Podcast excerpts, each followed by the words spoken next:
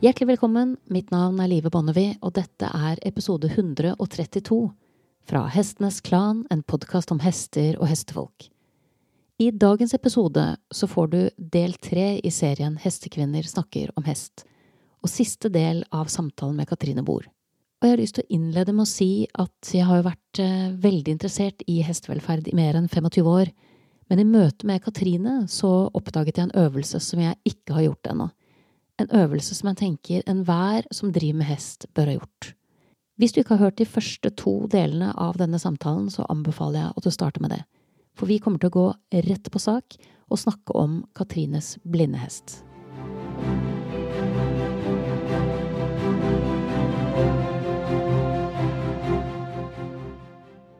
Og i forhold til de andre hestene, hvordan de, tok de imot henne? Ble hun veldig annerledes i flokken, eller hvordan, hvordan ja, fungerte ja, det? Ja, altid fuldstændig modsat af de andre. Hvis, hvis, de, hvis de alle sammen stod parkeret med, med røven i vinden den samme vej, så stod hun altid modsat, og hun kom hele tiden i konflikter, hele tiden i, stod hele tiden det forkerte sted. Øhm, og, og, og, og de andre, øhm, til at begynde med, behandlede hende jo som en hvilken som han helst anden hest. Altså, der gik noget tid, før der begyndte at blive taget hensyn til hende. Og, og, altså, men det gjorde der dog efterhånden, og nu, bliver der, nu er der næsten altid en, som så har førerhunderollen, og som hun så kan gå bagefter ud på folden og sådan noget. Så nu, hvad skal man sige, passer de på, og, og de giver hende endda nogle gange ansvar. Altså man kan godt synes, det er lidt grinagtigt, at nogle gange de sætter hende til at holde vagt, mens nogen sover og, og sådan noget. Øhm, men altså, det er på en eller anden måde øh, fungeret, eller kommet til at fungere, tror jeg, fordi at hun er den ubekymrede sjæl, øh, som hun er. Og det kan man virkelig lære rigtig meget af i verden, fordi at hun har virkelig nogle, nogle grunde til, at, at, det, at det er svært at være i verden. Men øh, hun har aldrig bekymret sig om det. Altså, uanset hvor galt det, det går, øh, uanset hvor svært det er at navigere, så kommer hun stormende fuld fjerspring ned af siden af sådan en vandrefold, og man tænker, uha, eller igennem nogle sten og sådan noget, øh, hvor man sådan halvdelen af gangen tænker man, ej, hun kan faktisk se noget, selvom det ved jeg godt, hun ikke kan, men det, man får næsten det indtryk. Og, øh, og, og halvdelen af gangen tænker man, nej, nu går det galt. Men den der ubekymrethed, hvor vi andre vi nogle gange godt kan synes, at vi har nogle små problemer, der bliver meget store inde i vores hoveder. Øhm, dengang hun var, var ung, inden, inden jeg fik hende, dengang hun lige kom til landet, der stod hun øhm, et sted, hvor hun, hun øh, ikke kunne orientere sig, da hun kom ud, og så spændede hun lige hen over en brønd, og faldt fire meter ned i en brønd, og skulle hejses op med kran, og, og du ved, de ringede til mig, jeg var, øh, og var, de var helt ude af den, øh, og jeg kendte jo ikke hende på det tidspunkt, vel, men, men jeg var sådan, men hvordan har hun det? Og sådan noget. Nej, men hun er helt upåvirket. Hun står og spiser hø inde i boksen, og hun havde da fået en lille skram på et bagben, men, men det var så det. Altså, ikke så meget. Det, det, det er, det er, ja, det, det, er, det er virkelig en, en, en udfordrende hest, øh, men, men også en hest, hvor jeg virkelig føler, at, at jeg, skal, jeg skal passe lidt på den der skrøbelighed, mm. men uden at fratage hende hendes liv. Forstår du, hvad jeg mener? Altså, ja, og værdighed, jeg, jeg tænker. Ja, altså jeg er værdighed, altså fordi at jeg har virkelig, øh, jeg har simpelthen lovet hende, at det skal ikke slutte med, at hun øh, ikke kan andet end, end bare være på en lille boks. Altså, øh, det, det skal ikke slutte sådan, som det startede, men hun bare står og er bange og, og står og drejer rundt ind i en lille boks og, øh, og, og ligesom forfalder lige så stille. Øhm, så så længe at hun kan navigere ude sammen med de andre, så længe hun kan leve i flok og have et værdigt hesteliv, øhm, så er det sådan, det er. Og når det ikke er muligt længere, så må jeg sige farvel. Men øh, hun, hun, er, hun er virkelig en, en, en særlig sjæl, fordi at, at det der med, at der kan være så meget vildskab, og så så meget skrøbelighed i den samme krop, øh, og hun kan holde balancen i den fineste levade, men så samtidig, så er hun nødt til at mærke sig frem, når hun går ud på folden, om, og håbe bare, at jorden bliver til for hendes fødder, når hun går rundt. Altså hele det der, der er så mange øh, hvad hedder det, altså der er så mange paradoxer i hendes liv, at, øh, at, at det er svært at forstå, at det kan eksistere i det samme væsen. Du nævnte et stikord, uh, etik. Ja. Og det var jo også en annen ting som jeg la merke til eh, på Facebook med deg. Code of Ethics, der du har laget en liste som du kaller The Do Not Harm Oats. Oath, ja. ja. Hestene ville måske være glade for, hvis det var oat. Ja, de hadde vært mye mer Ja. det sikkert. I hvert fall i første øyeblikket, men jeg vil jo tenke meg at Oath har ganske mye å si i neste sving. Kan du si litt, si litt om bakgrunnen din? Jeg tenker at jeg kan bare legge den ut på, på min eh, hjemmeside, så folk kan lese den der. Men kan du ja, si litt det om, om bakgrunnen for eh, hvorfor du valgte å formulere en, eh, en egen code of eth- ethics?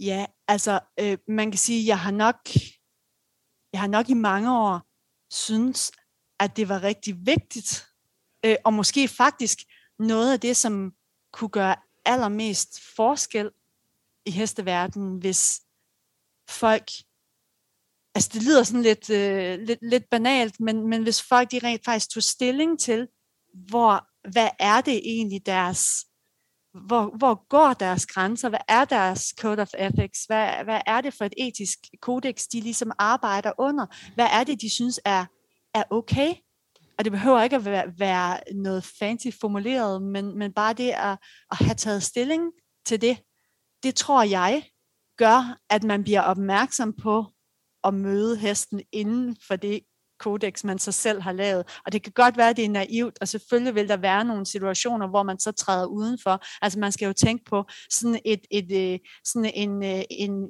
vision, som det er, jamen det er jo en måde at sige, hvordan synes jeg, mit hestehold skal være, når de viser sig fra dets bedste side. Altså det er jo ikke sådan, at man nødvendigvis kan leve op til det 100% hver eneste dag, men det er dog ens sigte. Øhm, og jeg tror, det er rigtig, rigtig vigtigt at have det der sigte.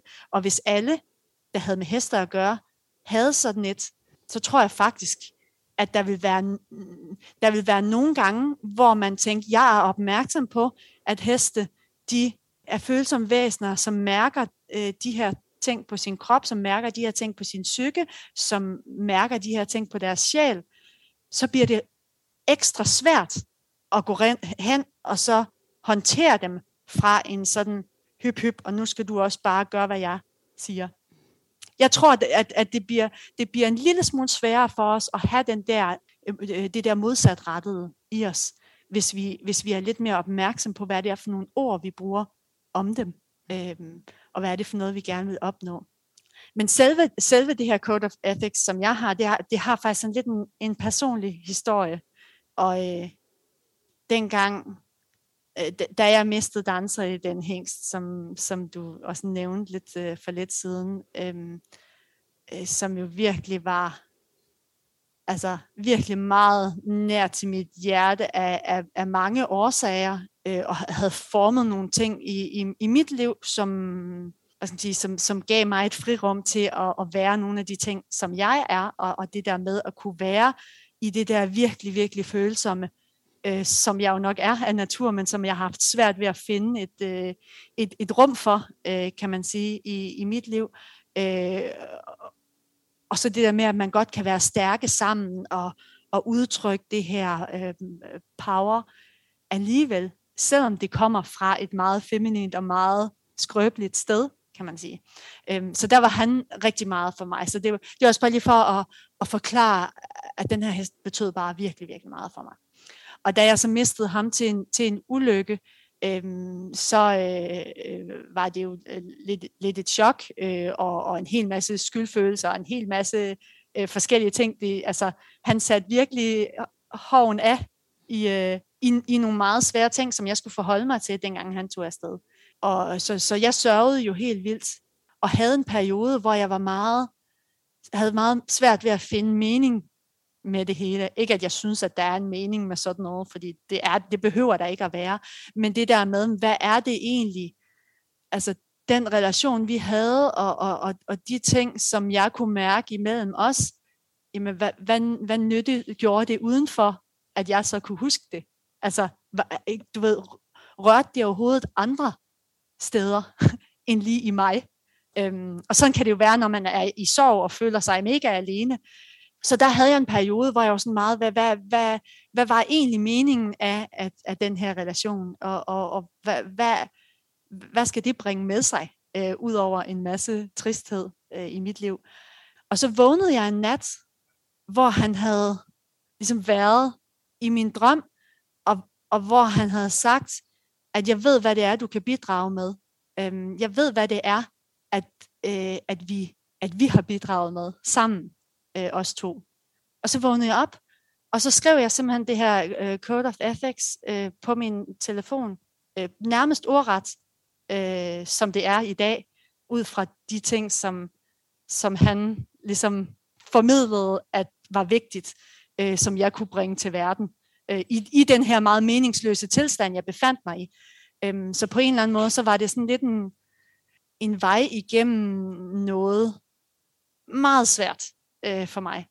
At der trods alt var et eller andet, som et eller andet holdepunkt i den der sorg og de stod i en anden række, fordi nu er de jo formet sådan, de danner sådan en cirkel, så de, de øh, hvad skal man sige, sætningerne var i en anden rækkefølge, øh, men nu har jeg jo så ændret rækkefølgen, så de passer med den her cirkel, men, men selve budskaberne og selve de forskellige sætninger, det, det består af, øh, det, er, øh, det er mere eller mindre det, jeg skrev ned øh, den nat der. Øh, så på en eller anden måde er det meget personligt for mig, fordi det kommer fra ham, øh, men det er også noget, som jeg virkelig tror på, er en vigtig del af min filosofi, at, at det overhovedet eksisterer.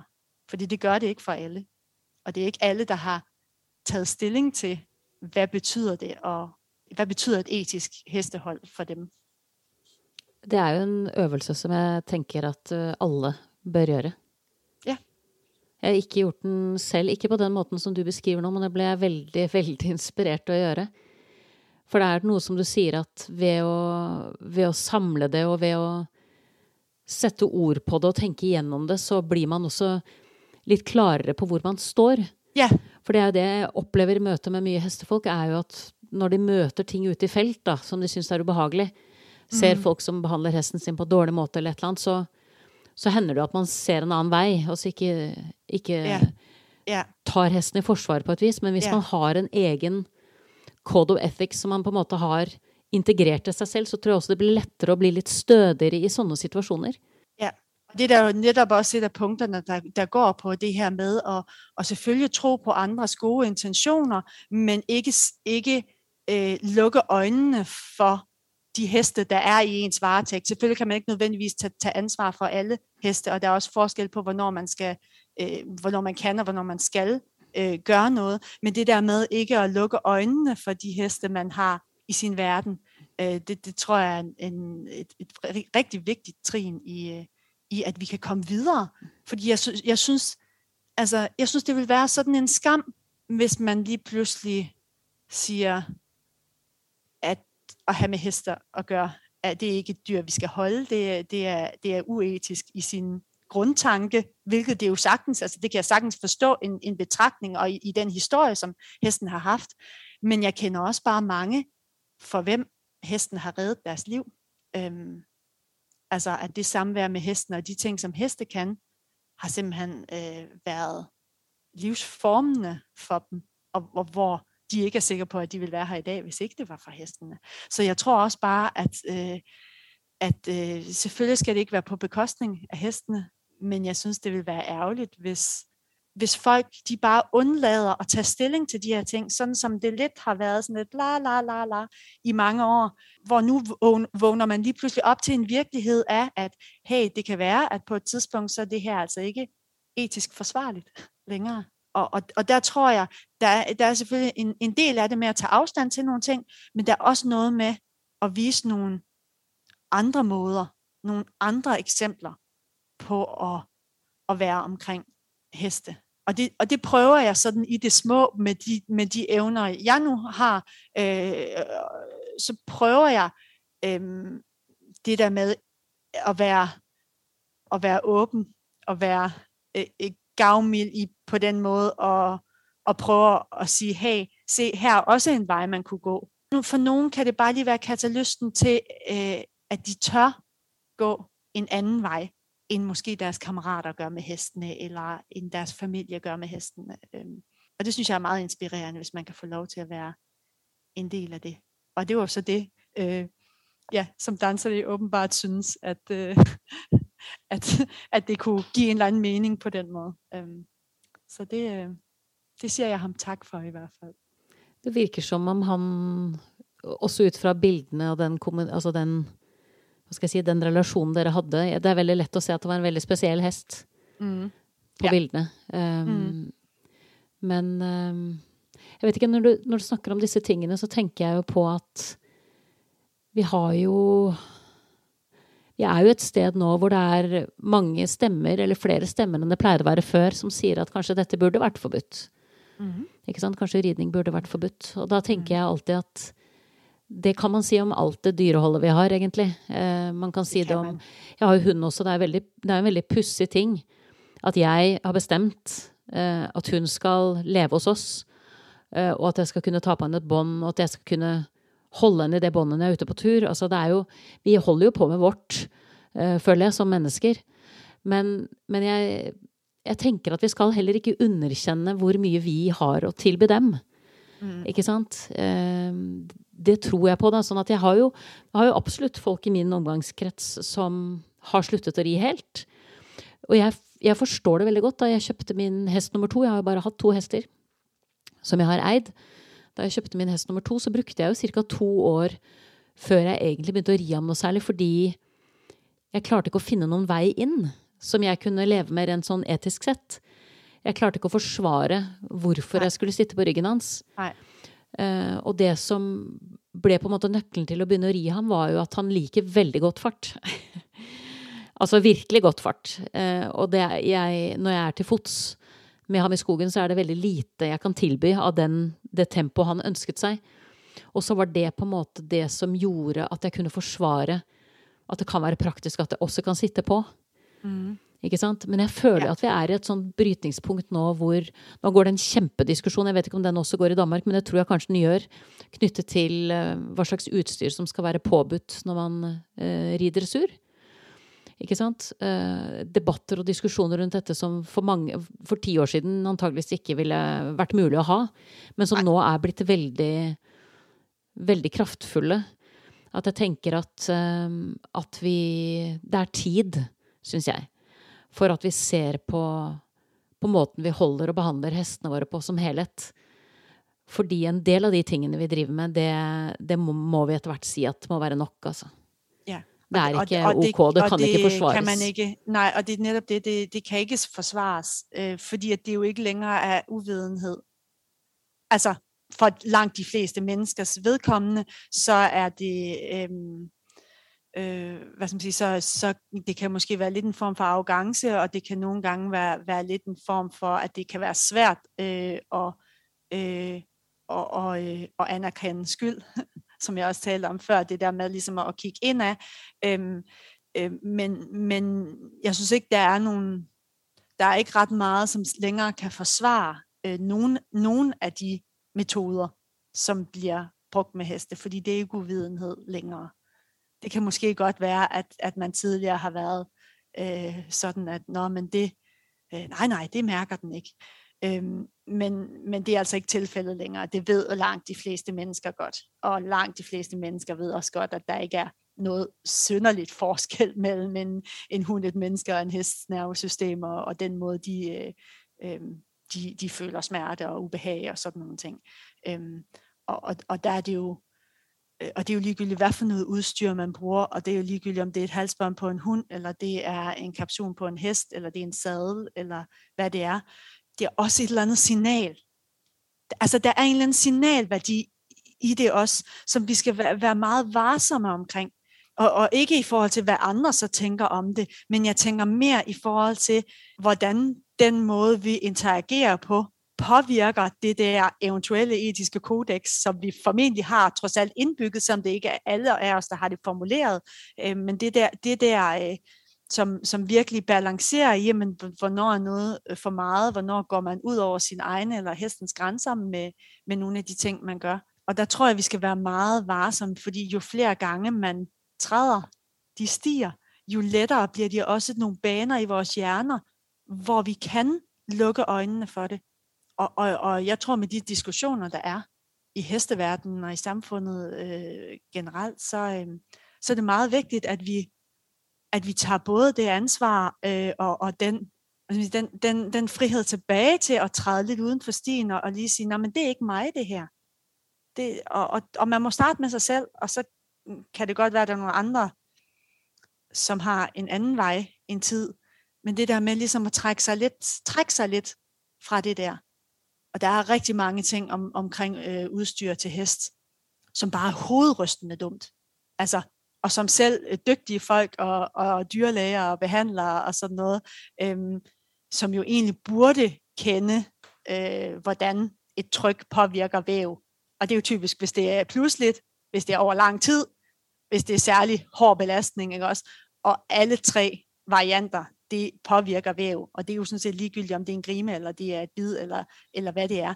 Det er som om, at man lidt øh, lukker øjnene for det, hvis nu man lige havde en eller anden interesse for det. Det er nok lidt som du siger, som jeg har snakket mye om på podcasten, dette med kognitiv dissonans. Altså at jo tyngre du har vært inn i noe som, som du blir nødt til å revurdere på så grundlæggende plan, jo mer ja. ubehagelig og uoverstigelig blir det. Ja. Og det er, jo, det er jo en kommentar som jeg har fått flere ganger, egentlig. At folk sier at jeg, jeg ser at det er mulig, eller ikke sant? Jeg ser at det er fint og sånn, men jeg, jeg, orker ikke ta den reisen selv. Ikke sant? For det er for mye jobb. Uh, og, og, jeg tror sikkert både du og jeg kan underskrive på at noen av de tingene vi snakker om, det, det kommer virkelig ikke av seg selv. Men, men det jeg syns vi skal begynne å snakke mye mer om i forhold til inspirasjonen til folk, er jo det du får igjen som jeg syns du beskrev veldig godt på begynnelsen av den praten vi har nå. Mm. Altså den, yeah. den, lettheten, det engasjementet, den kraften tilgjengelig, den lekenheten, eh, og hva det gjør med oss som mennesker å få lov å være så heldige å ta del i det. Ja, ja men lige præcis. Ja. Øh, og så, så privilegeret. Altså, man kan næsten ikke jeg kan ikke forestille mig nogle, altså de, de bedste minder, de bedste tidspunkter i mit liv, har der været i lige præcis de der situationer og hele den der, og mærke bare helt ind i sit inderste, altså hvor fantastisk det lige var at være en del af det øjeblik. Øhm, og, og, og det at give det plads, ja, det er en rejse. Ja, det kræver rigtig mange brikker til det der puslespil. Og det kan godt være, at man aldrig får alle øh, hjørner af det øh, på plads. Men der er et eller andet også lidt sært, synes jeg, i forhold til folk, der, der rider, og særligt når folk rider på, på hobbyplan, og, og, og, og, det, altså, og det, det, er jo, øh, det er jo super fint, at der er mange folk, der har rigtig meget glæde af det, men der er jo rigtig mange, som måske ikke vil gerne, så gerne vil investere ret meget i at blive dygtige til den relation, hvor man kan sige rigtig mange andre, øh, både sportsgrene og, øh, og hobbyer og øh, hvad der ellers kunne være, at man bruger sin fritid på, der er det jo meget normalt, at man som minimum har læst en bog om det, eller man lige følger et kursus, eller man lige er undersøgende omkring det. Og der er altså bare rigtig, rigtig mange, som driver med at, at ride på hest, som aldrig har sat sig noget særligt ind i, andet end at, at højre hånd den styrer hesten til højre, og venstre hånd styrer hesten til venstre. Øh, og så er det basically det. Og, og, og der må jeg jo bare sige, jo, så er det bare en kæmpe rejse. Øhm, men der er jo så også rigtig mange, som så finder en vej ind i den rejse, og som bliver fuldstændig grebet af nuet og af de momenter, og alle de positive ting, der er, når man oplever, at man rent faktisk kan kommunikere på andre planer, end bare den der rent transaktionmæssige. Ikke også? Fordi at der er jo rigtig meget af kommunikation med heste og med dyr i det hele taget, at det er sådan meget øhm, altså jeg, jeg plejer at kalde det sådan threat og Treat, øh, hvad hedder det, øh, linjen de arbejder med, ikke også? Og threat, det er sådan lidt, øh, du gør sådan her, ellers så gør jeg det her ved dig. Og, og Treat, det er sådan lidt mere, okay, hvis du gør det her, så får du det her af mig, ikke også? Øhm, og man kan sige, selvfølgelig øh, vil man ønske, at der er så få som muligt, som arbejder over i trusselsdelen af det her, og så mange som muligt, som gerne vil arbejde med positiv forstærkning, med belønning og sådan noget. Men i bund og grund, så er det begge dele nogle transaktioner i forhold til indlæring.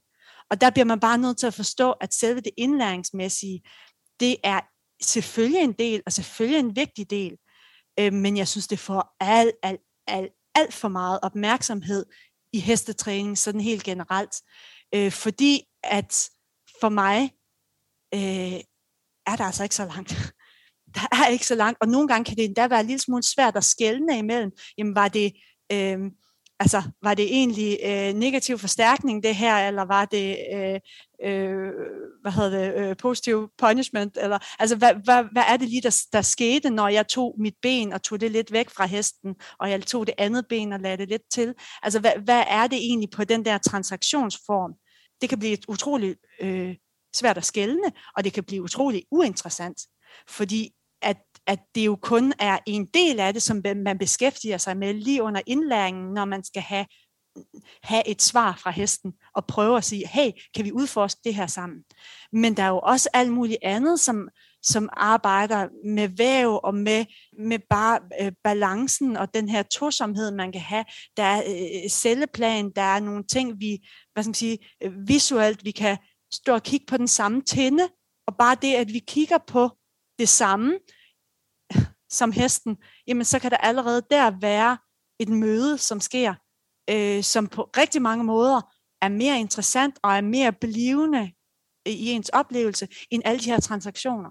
Så det synes jeg nogle gange kan være lidt ærgerligt, at det, at det får super meget opmærksomhed, og, og der er øh, rigtig mange, som, som med, med rigtig fin ret siger, jamen jeg arbejder kun med, med positiv forstærkning, og, og, og et eller andet sted er det jo rigtig, rigtig fint statement, men hvis man er i nærheden af hesten, med, det, med så følsomme som de er, hvis man er inden for 50 meter af hesten, jamen så arbejder man også med pres.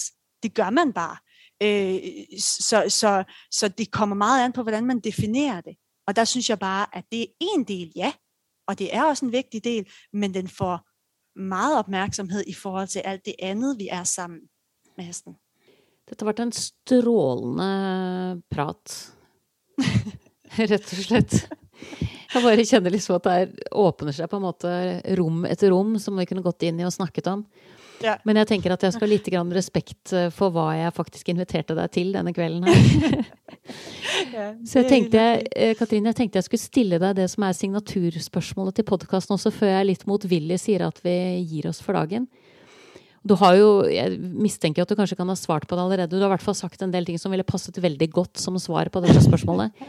Altså hva hester har lært deg som du kunne ønske at alle som drev med hest, visste, eller hadde et mer aktivt forhold til? Oh, der, der, er jo, der er jo rigtig mange ting. Men jeg tror, at for mig at se, øhm, og, og personligt i mit liv, så tror jeg, jeg tror aldrig, jeg havde øh, kendt min egen styrke, hvis, hvis ikke øhm, det var for hestene. Og øh, jeg tror, at der er rigtig mange ting, hvor måske særligt mange øh, ret følsomme mennesker, øh, de går igennem livet lidt med en rustning på, øh, fordi at det er meget rart med lidt beskyttelse. Og for, for, for mig personligt har det også været noget med, at jeg har haft meget svært ved at øh, adskille mig selv fra andre, og nogle gange har taget så meget øh, ind fra andre, at det simpelthen har været alt for svært for mig at genkende, hvad er mig selv, i forskellige beslutninger, og stå ved, stå ved mig selv, øh, ture være mig selv, øhm, og mange af de her ting, som øh, sådan integritetsmæssige ting, som jeg tror mange følsomme mennesker øh, kæmper rigtig meget med, at, at være i, i den verden, vi er i, hvor øhm, jeg, jeg tror, det havde været svært for mig i hvert fald at finde vejen igennem det, uden de fænomenale eksempler, som hestene har sat for mig, og som har, har sat nogle eksempler, som jeg ikke har kendt hos menneske. Og, og, og det er ikke, fordi jeg ikke har haft gode relationer til mennesker. Det har jeg også, og jeg har også haft nære relationer. Men der er nogle ting, som man har, har mødt i det samvær med hestene, som har lært mig øh, om mig selv, og, og det bliver jo, altså det bliver jo meget sådan øh, klichéagtigt, øh, måske, men, men det, det der med at, at faktisk turde stå ved sig selv, og turde at være, være følsom, samtidig med, at man har en vildskab, og samtidig med, at man har temperament og nogle øh, udtryksformer.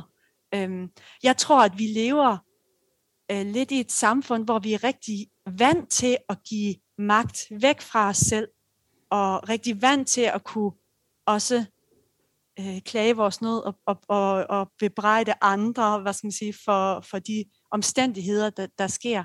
Men det der med at, at internalisere øh, den kraft, det giver bare en enorm empowerment.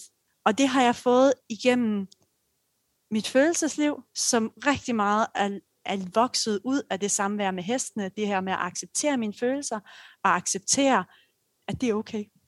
At, det, at, at vi er okay, og det er okay at, at være os sådan, som vi er. Så, så det er nok lidt tilbage til det, jeg startede med, men at, med at der både er det her følelsesmæssige element i at være okay, men så er der også hele den her embodiment og hele det her bevægelse, at udtrykke sig selv igennem bevægelse, som på en eller anden måde, den, den, det parallelle af det her med følelser, som så får et, et fysisk udtryk, det er i hvert fald noget af det, som har givet mig en, en vej i verden, som jeg ikke lige havde, øh, som ikke havde ligget lige for uden hestene. Øhm, og de heste, som jeg har været sammen med, hvilket er jo rigtig, rigtig mange efterhånden igennem årene, fordi at jeg også har arbejdet på, på sådan træningssteder og sådan noget øh, øh, tidligere i mit liv. Så det har jo selvfølgelig været en rigtig stor berøringsflade af forskellige heste, og de har rigtig mange af dem har jo bidraget med små beskeder, små budskaber, som, som på en eller anden måde mit liv også bliver formet, eller som bliver flettet ind i min livsbane på en eller anden måde. Øhm, så, så jeg tror, det er rigtig mange ting, øhm, men, men særligt det her empowerment-plan, øh, det tror jeg virkelig har været en vigtig del, øh, at turde stå ved sig selv. Øhm, også selvom at man måske har været lidt sær og har været lidt, lidt en drømmer og, og ikke, øh, ikke nødvendigvis altid kunne identificere sig særlig meget med mennesker. Øhm, så så har det virkelig været en redning på rigtig mange plan. Jeg tror det gjelder eh, Det du sier der, tror jeg gjelder mange av oss som rir. Ja. Altså at hestene på et eller annet plan har vært en redning for oss. Ja. Og, og, og i det en måde at være i naturen også. Altså nu man sige, at heste, jo, de er meget domesticeret og sådan noget, men de er også rigtig, rigtig rene i deres øh, natur. Øhm, så den der måde at gå ind og interagere med naturen, altså at, at man selvfølgelig har det der med ornitologen, som ligesom kan hvile i og, og observere, men man også er inde og interagere helt praktisk med et stykke natur, som, som hesten rigtig meget er. Det tror jeg er uundværligt for os mennesker, og jeg tror, det er helende for os mennesker på rigtig mange planer, fordi vi har været gode til nogle ting, men det der med at bevare jordforbindelsen, det kan man jo se på, hvad vi gør ved, ved samfundet og planeten sådan i det hele taget, at det har vi jo tydeligvis ikke været særlig gode til øhm, at bevare den del. Øhm, og det kan jo øh, blive lidt vores akilleshæl, øh, kan man sige. Men, men på et personligt plan, så, øh, så er det også for mig at være med naturen. Det med at være med min hest. Tusind hjertelig tak, øh, Katrine. Ja, selv tusind tak, og tak fordi jeg måtte, øh, måtte være med. du har netop hørt episode 132 fra Hestenes Klan, en podcast om hester og hestefolk. Og jeg håper du bruker uka fram til neste episode til å skrive din egen code of ethics. Jeg tenker at hvis vi skal drive med hest, og øh, ha en tilnærming og en måte å forholde seg til hestene på som vi kan stå for, så kan det være veldig lurt å ha formulert den for seg selv, så man har noe solid å navigere etter. Hvis du liker disse episodene, så er jeg veldig takknemlig hvis du deler dem. For jeg tenker at eh, historier som dette er det verdt å få ut til så mange hestefolk som mulig. Da gjenstår bare for meg å takke min faste komponist Fredrik Blom, min gjest Katrine Bohr, og sist, men ikke minst vil jeg takke deg, kjære lytter, for tålmodigheten. Måtte hesten for alltid være med deg.